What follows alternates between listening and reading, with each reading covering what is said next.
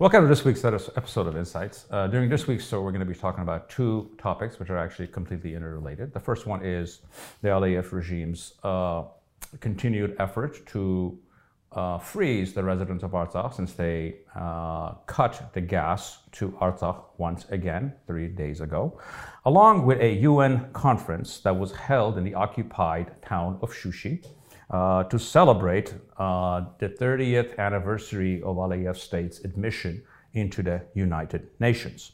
Uh, let's start off with the update. Three days ago, uh, the Aliyev regime essentially closed the taps to the gas, gas pipeline from Armenia to Artsakh, uh, essentially freezing or attempting to freeze people out in one of the coldest winters of the last few years. The background to this was about three, two, three weeks ago, the Aliyev regime blew up the pipeline. And under international pressure, they actually were forced to fix the pipeline. However, they enabled themselves uh, to put a tap on the pipeline so they can shut it down whenever they can. They uh, opened up the gas line for the three days in which this UN conference was being held, this illegal US, UN conference, actually, and I'll get to that later in Shushi. Uh, and as soon as the conference was over, they turned off the gas again, which in essence makes the United Nations a cover and an enabler for the Aliyev regime's illegal actions in trying to cut off gas and freeze the residents of Artsakh. Let's go over this illegally held conference in the occupied city of Shushi. Um, why is this illegal? Because according to Security Council resolutions, uh, all parties must adhere to OSCE uh, framework and OSCE rules, which under which outside parties do not go to any part of Artsakh, and that was the case before the war, and it should be the case after the war. So, in essence, this conference was illegal, even in the context of United Nations' own policies. Let's look at the background of this. There's a consistent effort by the Aliyev regime to hold or as bring in as many international institutions or international players or reporters into two areas, which are the occupied parts of Artsakh, which is Shushi and the Hadrut region. And the reason is by bringing in institutions like the United Nations, you're essentially legitimizing what they did there a year and a half ago, which was uh, ethnic cleansing and attempted genocide of the residents of Artsakh. So this is they're going to constantly try to push this to try to put an international stamp of approval on their campaign over the last year and a half of trying to essentially ethnically cleanse all Armenians out of their ancestral homes in Artsakh. Let's move on to the person who uh, made this decision to hold this conference in Shushi uh, and leads uh, the UN office in Aliyev's kingdom. Uh, her name is Vladanka Andreeva. what do we know about Ms. Vladanka? Uh, one, she's from the country of North Macedonia. Uh, second of all, she is actually not even a diplomat. She is an HIV specialist, so someone comes out of the field of medicine, which has no political background.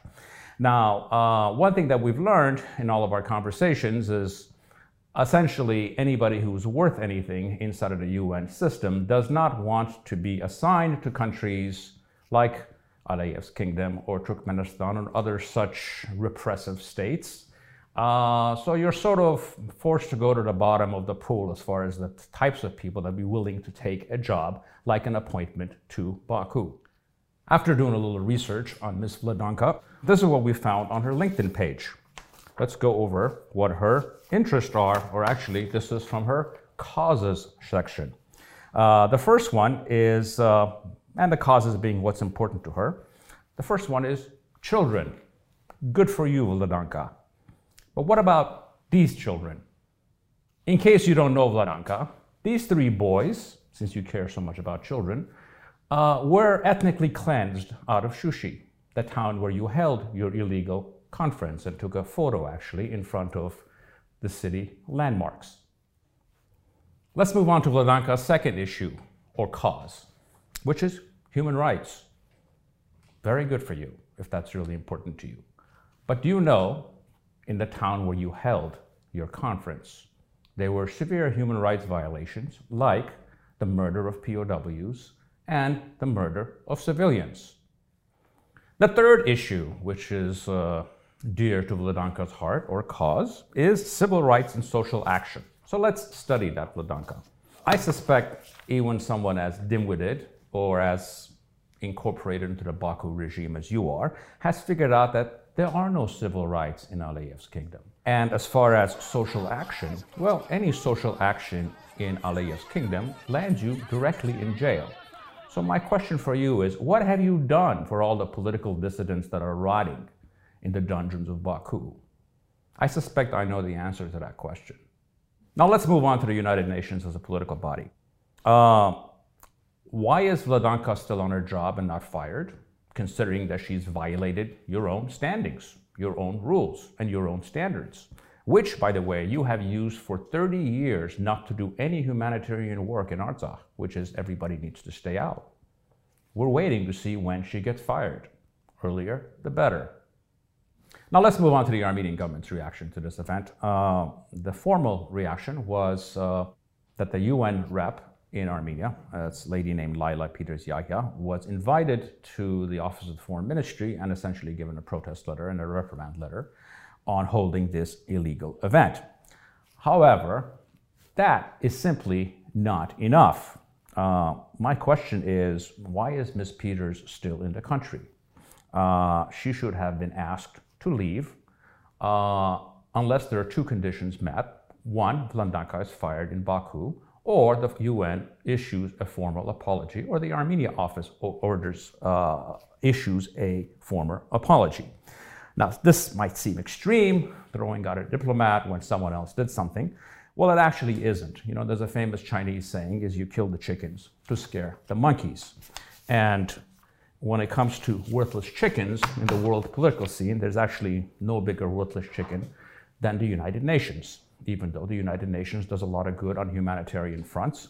When it comes to uh, politics or human rights, uh, to call them worthless is sort of an insult to actually other worthless organizations. Let's look at the United Nations. If you want to know how corrupt and degenerate the organization is, let me give you the best example.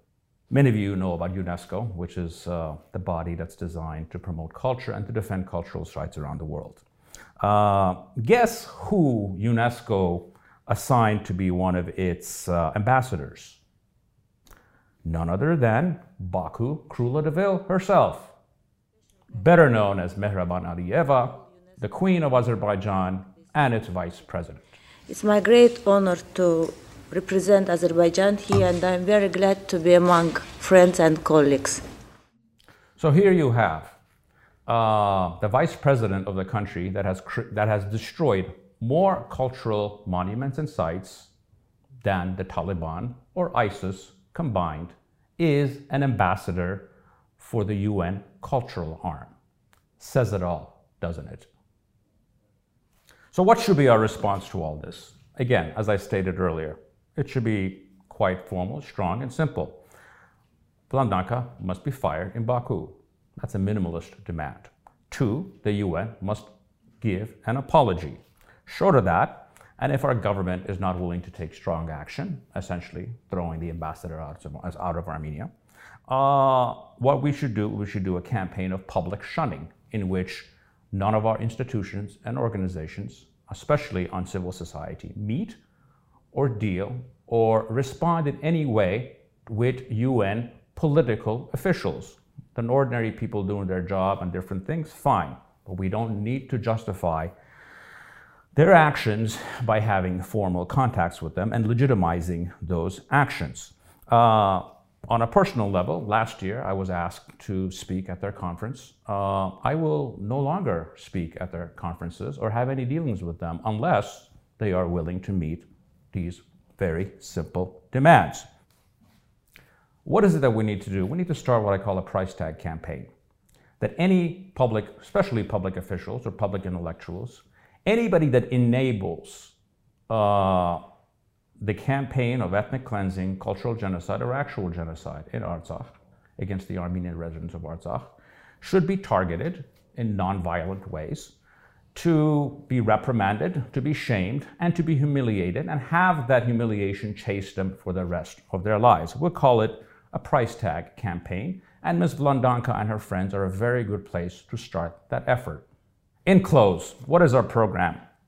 enough talking. We need to act. What I'm going to do is I'm going to, on all my social media platforms, I'm going to provide you with the contacts, uh, LinkedIn pages, emails, uh, social media sites of everyone involved in this process that enabled this conference to happen. I will ask all of you to write them in a polite but strong manner, letting you know what you think of their actions. Uh, after all, we are all taxpayers from around the world and we pay their salaries, so they have to listen to us and to respond to us. Uh, as far as Ms. Vlandanka herself, uh, we will follow you over the years, wherever you go, future assignments, everyone, every place that you are assigned to. And when we're done with you over the next few years or the next decades, there won't be enough toilet paper in the world to clean you up. And that's why they called you bitch. I betcha.